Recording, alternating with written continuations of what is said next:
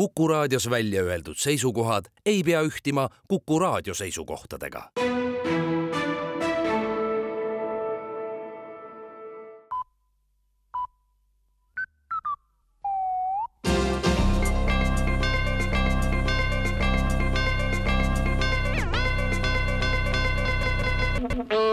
tere kuulama, uudised on eetris, stuudios Rohke Debelak harimatus ministeeriumi eilse pressiteate kohaselt ei ole õiglane väita, et õpetajate ühe koma seitsmekümne seitsme protsendine palgatõus on oluliselt väiksem kui riigi keskmine palgatõus, mis jääb pisut enam kui kuue protsendi juurde. valitsuses on ette võetud juba kompleksne tegevuskava, mis tagab, et keskmine palgatõus järgmisel aastal on veel väiksem kui õpetajate palgatõus. üha enam on inimesi, kes ei saa varsti enam üldse mingit palka ja selles valguses on mõne aja pärast õpetajate palgatingimused juba vägagi arvestatavad ja seega ei ole hoiatus ja muud streigid kohased, märgib Harimatusministeeriumi teade.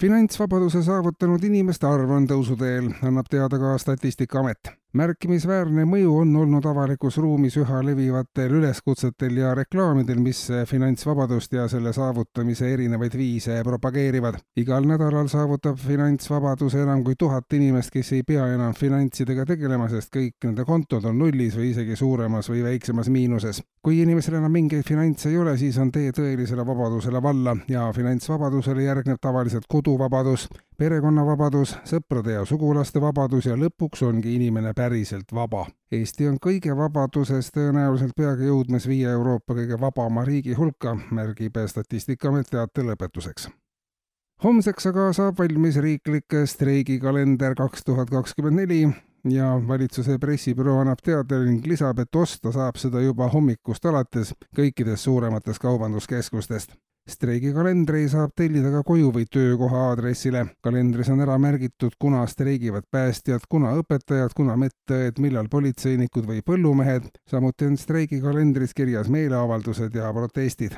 streigikalender kaks tuhat kakskümmend neli on nägusalt kujundatud, aitab inimesel ennast kursis hoida vajalike sündmustega ja tagab, et miski oluline selles vallas ei jääks kahe silma vahele. kalendris on järgmisel aastal streigivabu päevi kokku seitseteist ja lõpetuseks värske uurimus näitab, et äh, märkimisväärne osa eestimaalastest kannatab äh, söömishäirete all. sööks hea meelega regulaarselt, aga raha ei ole kuni kolmkümmend protsenti on neid inimesi, kelledel söömine on tugevalt häiritud, lisaks veel kaksteist protsenti neid, kellel lõpeb raha peale päeva esimest söögikorda ja edasi toimub kõik juba ka ilma igasuguste häireteta lisaks söömishäiretele on kolmekümne seitsmel protsendil inimestel riietumishäire ja seitsekümmend neli protsenti inimesi kannatab tugeva luksuskaupade häire all. joomishäirete all ei kannata Eestis keegi, kõik, kes juua tahavad, selleks alati ka raha leiavad.